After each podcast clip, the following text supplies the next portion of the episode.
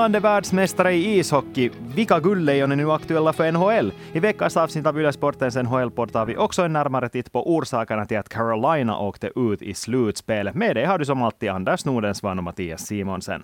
Lejonens hemmamagi höll ända till slut. Detsamma kan man inte säga om Carolina.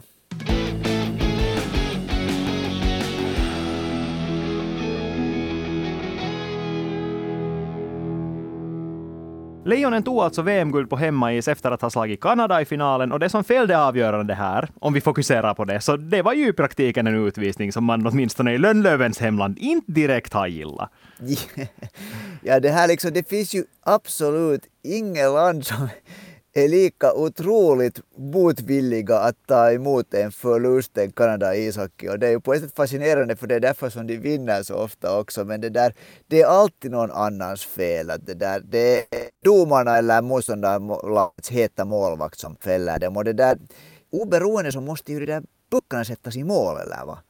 Det är ju det, men samtidigt skulle jag nog också vilja säga att vi i Finland är ganska bra på det där att skylla på domarna. Jag menar, Finland har förlorat en hel del VM-finaler också.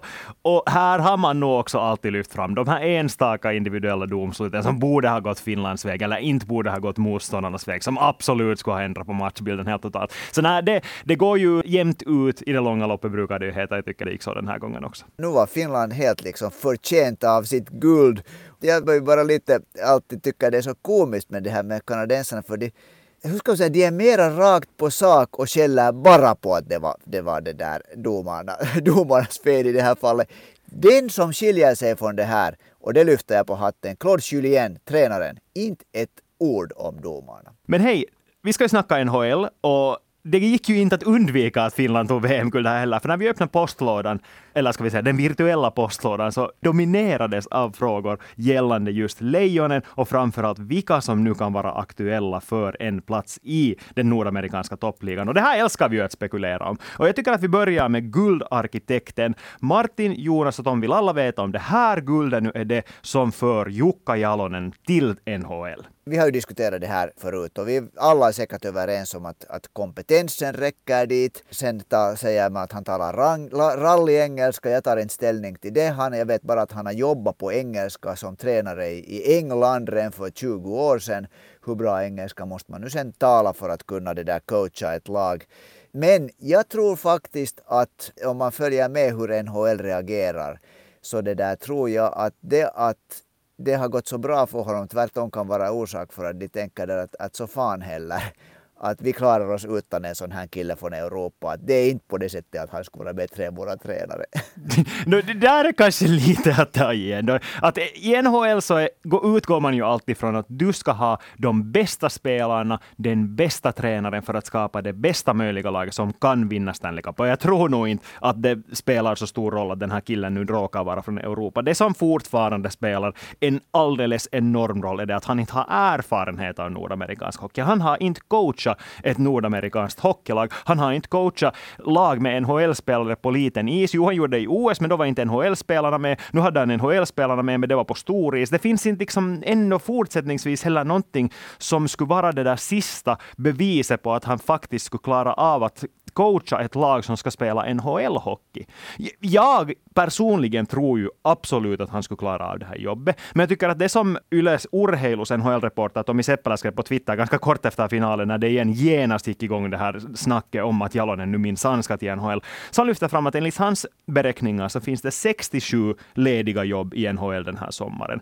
Och det kryllar av tränare med inte minst NHL-meriter, också AHL-meriter, meriter från nordamerikansk hockey på tränarmarknaden just nu. Att det, den där chansen att han skulle få ett chefstränarjobb just nu är så otroligt små. Och jo, Jarmo Kekäläinen har sagt att, att alla i Nordamerika vet nog vem Jukka Jalonen är, men jag, jag bara ser inte att hur det här ska hända. Jag går lite tillbaka nu, för jag, jag har lite av annan åsikt gällande det nu, för jag tycker att det här bevismaterialet för att han kan coacha ett lag till att vinna oberoende om det är stor is eller liten is, så det finns nu här. Alltså det, men det är jag, helt men, jag, menar, jag menar ur NHL-lagens perspektiv. De ser inte jo, men, det där men det är just det jag menar. Det är just det jag menar. Att jag tycker liksom att det här det här, nu har han två gånger i två VM-finaler har hans lag slagit ett lag fullt med NHL-spelare. Så har han också visat att han kan liksom göra, coacha olika lag. Vi tänker nu att han har i de fem senaste liksom sådana landslagsturneringar, du tar JVM som är högt rankat i Nordamerika med, har han tagit laget fyra gånger, fem gånger till final, vunnit fyra av dem. Så jag tycker att det här är liksom vinna, det gäller att vinna. liksom, och där tycker jag att han har bevisat. Men det som jag igen tror är att när han har ganska klart sagt det här att han vet att han skulle klara det. Och jag tror att det här är giftet för nordamerikansk, för NHL. För de har den här synen att nej, vi är bättre, ni vinner på fel sätt. Det är domarna som avgör, det är inte tränare. Jag, jag, jag vill påstå att att den här attityden är det stora problemet där. Det som ju ändå har talats om att vara den här realistiska vägen för honom in till NHL, så det, ja, dels det som många sa tidigare att han måste gå via AHL, men nu har det också talats om att han skulle kunna komma in som assisterande tränare. Men där ser jag inte heller riktigt hur det ska gå till, för om vi tittar på de här etablerade NHL-tränarna, som antagligen är de som kommer att få de här jobben i NHL nu den här sommaren, så de är ju alla sådana som känner till de andra tränarna som finns tillgängliga i Nordamerika, som har många killar som de har jobbat med och vet exakt vem de vill vill ha i laget. Så det vad det i princip måste hända nu är att en klubbchef måste säga att ja, hej, du Paul Maurice till exempel, vi vill anställa dig, men du måste ha Jukka Jalonen som assisterande tränare. För jag tror inte att det finns en enda chefstränarkandidat i NHL som har erfarenhet av NHL som skulle sådär utan tvång plocka in Jalonen som assisterande heller. Mm, klubbcheferna kommer att ha en stor andel i det här och då, då är det ju no, jag kommer att tänka på tre. Det där. Jag tror att Kekalainen för tillfället har sagt att han tänker nu inte anställa Jalonen för tillfället. Så ska vi komma ihåg att Bill Sito som, som är Floridas GM, så det där har mycket starka band till Finland. Han har varit agent för en massa finländska spelare. Han känner till finsk hockey. Han har jobbat ihop med Jarmo Kekäläinen. Han har anställt Tuomo Ruutu som assisterande tränare. Här är en typ som jag tror att för tillfället jag säger inte att han på något sätt hur långt det går, men jag tror han säkert sitter och funderar på Jalonen att var, var, hur han kille är det här.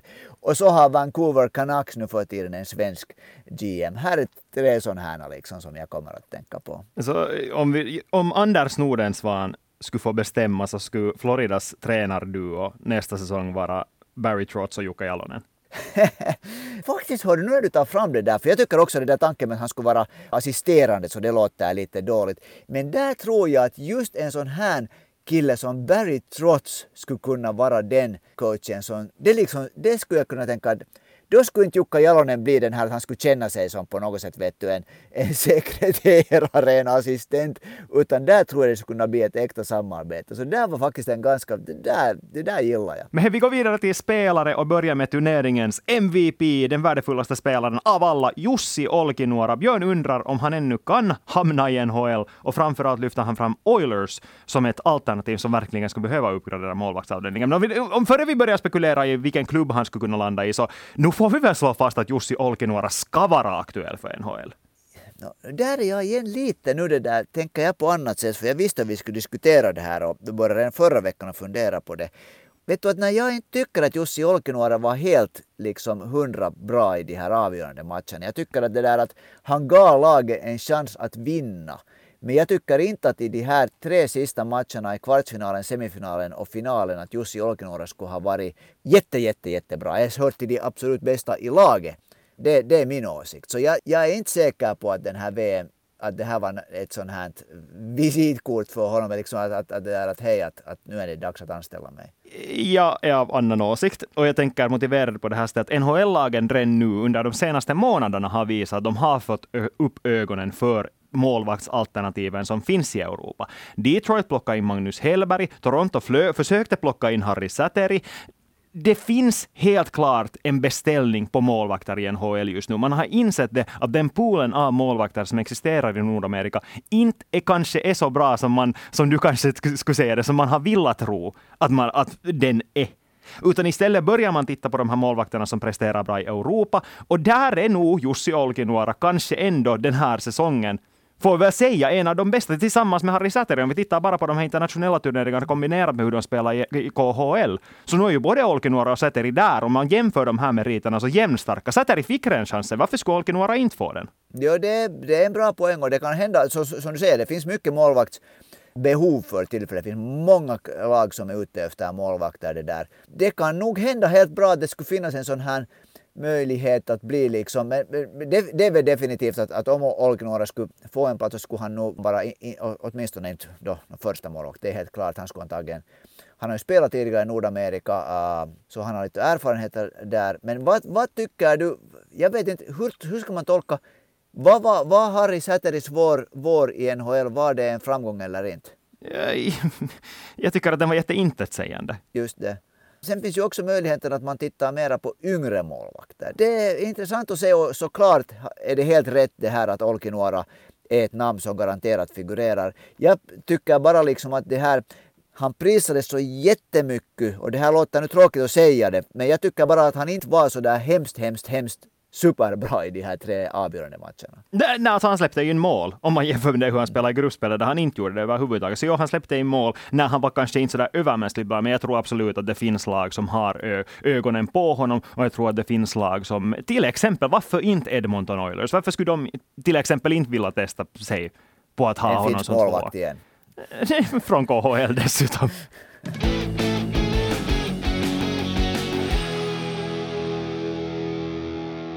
Men hej, vi går vidare till nästa spelare och kanske den, eh, åtminstone i mina papper, näst hetaste kandidaten, säkert i dina papper den hetaste kandidaten, backen Mikko Lehtonen. Poäng bäst i Lejonen, vald till turneringens bästa försvarare. Är det så att han ska nu tillbaks till USA eller Kanada för att få sin nästa chans att slå igenom också i NHL? Eller vill han dit? Han har ett, vad jag förstår, ett jättebra kontrakt med Zürich. Det där är en bra liga, ett bra land. Jag tror att Mikko Lehtonen tog ganska hårt åt sig att han inte fick en åtminstone upplevde han inte att han fick en chans att visa vad han går för i NHL, spela med sina styrkor. Och jag tror att det är också det att han, han liksom på ett sätt kan man säga att han, han stack iväg därifrån och liksom visade att han inte är så intresserad av att komma tillbaka. Så jag vet inte heller att, vad, vad man anser om hans attityd där. Jag tror inte att Mikko Lehtonen är på väg till NHL. Men han har ju sagt att han vill tillbaka. Han har sa under VM i, i Yles intervju uttryckligen att han vill tillbaka till NHL. Så jag tror, alltså såklart det, det också kan vara någonting som man bara säger. Och jo, du har en jättebra poäng med där att hur man i NHL ser på det. För AHL är han ju helt klart inte intresserad av. Så han måste nu försöka ta in sig till ett lag som i princip vet att om han inte finns med i NHL-truppen när säsongen kör igång, så då kommer han att sticka tillbaka till Europa. Det är ju faktiskt en tröskel. Nu måste jag först säga att jag hade missat det där att han, det är en av de få sakerna som någon finsk spelare har sagt under VM som jag har missat. Jag hade missat det där att han har sagt att han vill tillbaka till NHL. Okej, om han har sagt det, så det ändrar också lite på hur jag ser på saken. Men det vill jag nu undersöka, att jag tror att han inte far dit mera med den tanken att just AHL vill han inte till. Det, det där. Men jag tror också att han inte vill spela i tredje paret som den där mera säkrande backen. Jonas och Simon vill båda lyfta in Sakari Manninen i NHL. De är ju inte ensamma om det. Jukka Jalonen sa ju efter finalen också att Sakari Manninen absolut ska till NHL, att han håller måttet. Men det är jag faktiskt inte helt överens med guldtränaren om. Nej, han kommer nog inte heller att fara till och få ett, få ett kontrakt i NHL. Det tror jag. Jag, jag, jag, är lite negativ idag nu, men där tror jag också han är 30 år gammal. Han är liten det där, han skulle måste spela i första eller andra kedjan i det där NHL, helt klart. Och där tror jag inte att det finns lediga platser för Sakari Manninen. Nej, alltså jag tycker att Ismo Lehkonen sa det här jättebra eh, under en av de här Yles NHL-matcherna, nu minns jag inte vilken, där han var som expert. Och i pausen när det talades om just det här, vilka NHL-spelare som skulle kunna vara aktuella, under samma sändning som Mikko Lehtonen också sa att han är intresserad av NHL. Så där sa Ismo Lehkonen att det var de här finländska spelarna som nu vill till NHL i en högre ålder, måste inse att de kommer dit för att stjäla någons jobb. Det är oavsett vilken roll du spelar i laget, laget så är det skittufft att göra. Att du går in och jobbar hårdare än alla andra som vill vara där och jobbar hårdare än den killen som redan har den där rollen dessutom. Det är det vad du måste göra. Och om vi talar om en kille i tredje kedjan eller fjärde kedjan så är ju oddsen lite lägre på att du ska lyckas med det. Men när det är en top six roll i NHL vilket är ju helt som du sa, det är det som Sakari Manninen ska ha. Han är inte en kille i tredje eller fjärde kedjan. Han ska vara i första eller andra kedjan, spela powerplay för att man ska få ut någonting av hans talanger. Och han är inte bara tillräckligt bra, tyvärr så är det bara. Men vet du vad det där var du sa att stjäla ens jobb? Så det där sa Ren i tiderna för 50 år sedan när Veli-Pekka Ketola och Heikki Riihranta åkte iväg till VHA till Winnipeg Jets och sa att det fick man från första dagen veta att ni är här för att stjäla våra arbeten. Och, och det där. Så, så den attityden, det, det, har nog varit, det får nog varje europeisk spelare, varje finsk spelare alltid gå igenom. Att det är någon som anser att du är här för att ta mitt arbete. Så det, där, den, den, det är någonting som finns där som de får leva med. Men jag skulle ännu en gång säga att det som, det, hela den här diskussionen igen tycker jag igen visar hur absurt dumt det är att vi spelar ishockey i olika storleksrink i Europa och i Finland än vad man gör i NHL. När alla hela tiden nu säger att vi vill till NHL, vi vill till NHL. Klubbarna säger att vi utbildar lag för att, äh, spelare för att komma till NHL. Landslaget säger det och NHL säger det att ja, men de har inte spelat i liten rink när de kommer hit. Och lite samma sak som för Sakari Manninen, så är det ju också för Teemu Hartikainen, som är ett annat namn som Jonas lyfter upp här i sin fråga. Och det, det, det känns liksom lite med honom också som att han inte riktigt ändå är tillräckligt vass för att klara sig i en top 6-roll i NHL. Och jag ser inte honom heller som en sån här tredje eller fjärde spelare. Och han har ju haft ett NHL-kontrakt.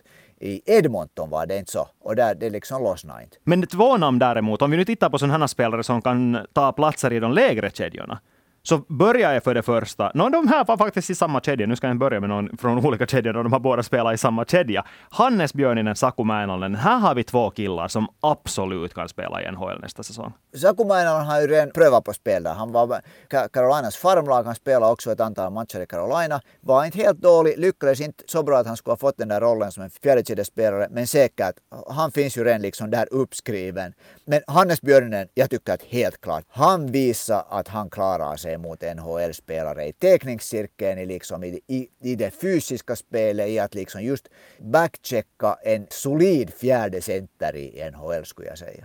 Exakt en fjärde center. Och här, eh, jag vill lyfta fram att Jonas i sin fråga påpekar att han tycker att bottenlagen i NHL ju borde kunna chansa med de här europeiska spelarna. Det gäller kanske ju med Sakari Mannen och Teemu Hartikainen, men jag tror att till och med de är så pass stora risktagningar att man inte börjar ge dem chanser bara för att låta dem visa vad de går för. Men Hannes Björn, han skulle kunna vara en fjärde center i vilken NHL-lag som helst. Ja, han är imponerande det sättet som han spelar och hur jag tycker att också att han är på det sättet, han håller sin nivå helt oberoende av, av matchen och det där och vem, vem det är man möter. Men en viktig poäng måste vi lyfta fram här och det som gör de här jobbet, att stjäla någon annans jobb, jättemycket svårare, så det är det att faktum är det att det kommer att vara en spelarflykt från KHL, där det har varit så otroligt många utlands, utlandsproffs som spelat, sett ur ryskt perspektiv, som inte kommer att spela nästa säsong.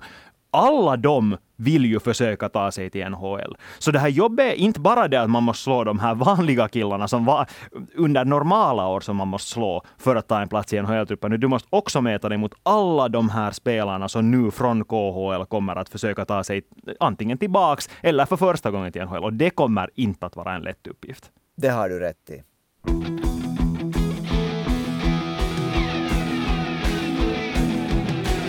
Men för att gå vidare till det som händer i NHL just nu, så är Carolina Hurricanes ute ur NHL-slutspel. Game 7 mot New York Rangers slutar en 2-6-förlust. Carolinas första förlust i en Game 7 någonsin och den första förlusten på hemmais den här matchen. Vad hände riktigt? Ja, det var nog en, en det där kalldusch för Carolina. Det, no, min analys är att det som hände är att, att det där Carolina tappade tron i match 6 skulle jag säga, inte var inte ens mer än match 7. I match 6 på att man liksom kan överlista Igor Sjestjorken. För mig var den här kulminationssekunden det när Carolina inledde sjätte matchen i, i New York med att ha total kontroll över spelet. Och det var 0-0. Sebastian Aho kom ensam igenom.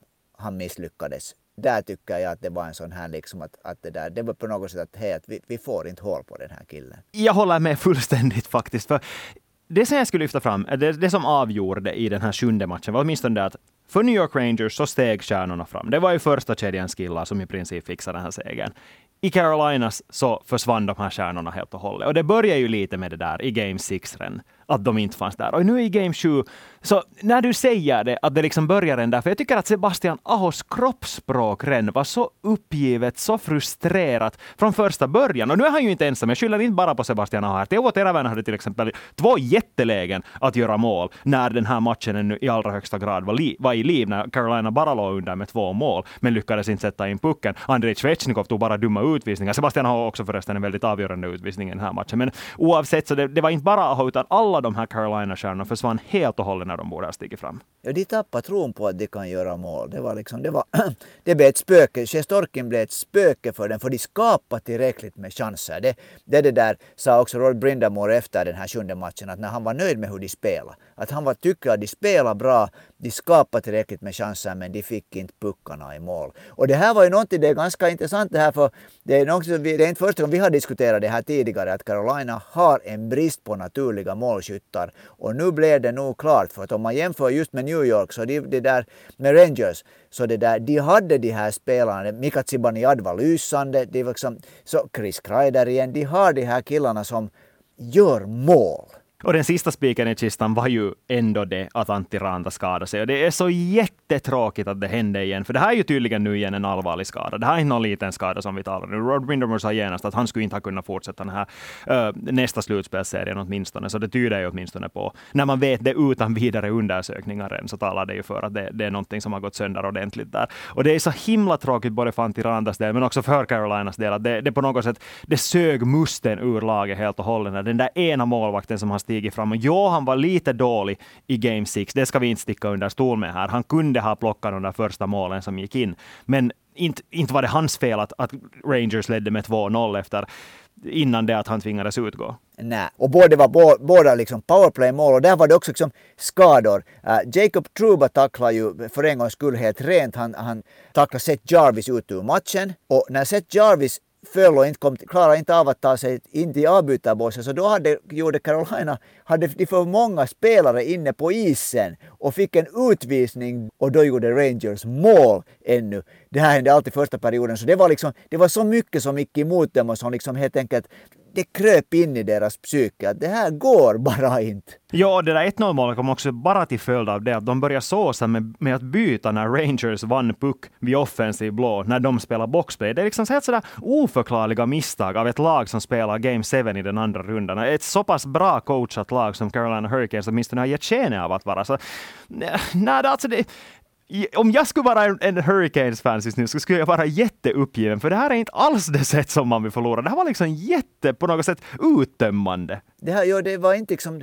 Jag vet inte om det här var en förlust som på något sätt utvecklade Carolina. Det var ju som du säger, det var liksom ett... Det funkar bara. Vi gjorde allt så som vi brukar göra och, och det, vi fick inte det att fungera. Men vad ska Carolina göra nu för att kunna ta det nästa steget, som bevisligen är att för det första, de har skakat av sig Bostons spöke, nu måste de skaka av sig något annat form av spöke, vad det nu ens är. No, jag säger samma som jag, jag skrev i en, en kolumn här under våren, att Carolina borde göra vad som krävs för att få Filip Forsberg till det där, för att skjuta in puckar som Sebastian Aho passar till honom. Andra alternativ är att få loss Patrik Laine från Columbus. De behöver en målskytt. Men nu återstår alltså fyra lag i NHL-slutspelet, västra konferensfinalen, och vi börjar med den. Colorado Avalanche mot Edmonton Oilers, Nathan McKinnon mot Connor McDavid. Har vi fått en fråga? Pontus vill veta, vem kommer att prestera starkare av just de här två? De två superstjärnorna, McDavid eller McKinnon? Vad tror vi? Ingen deras ska man tvivla på. Uh, Connor McDavid ska, ska man definitivt inte mer tvivla på. Jag tror att McKinnon kommer också att det där. Han, han har varit bra, han har inte varit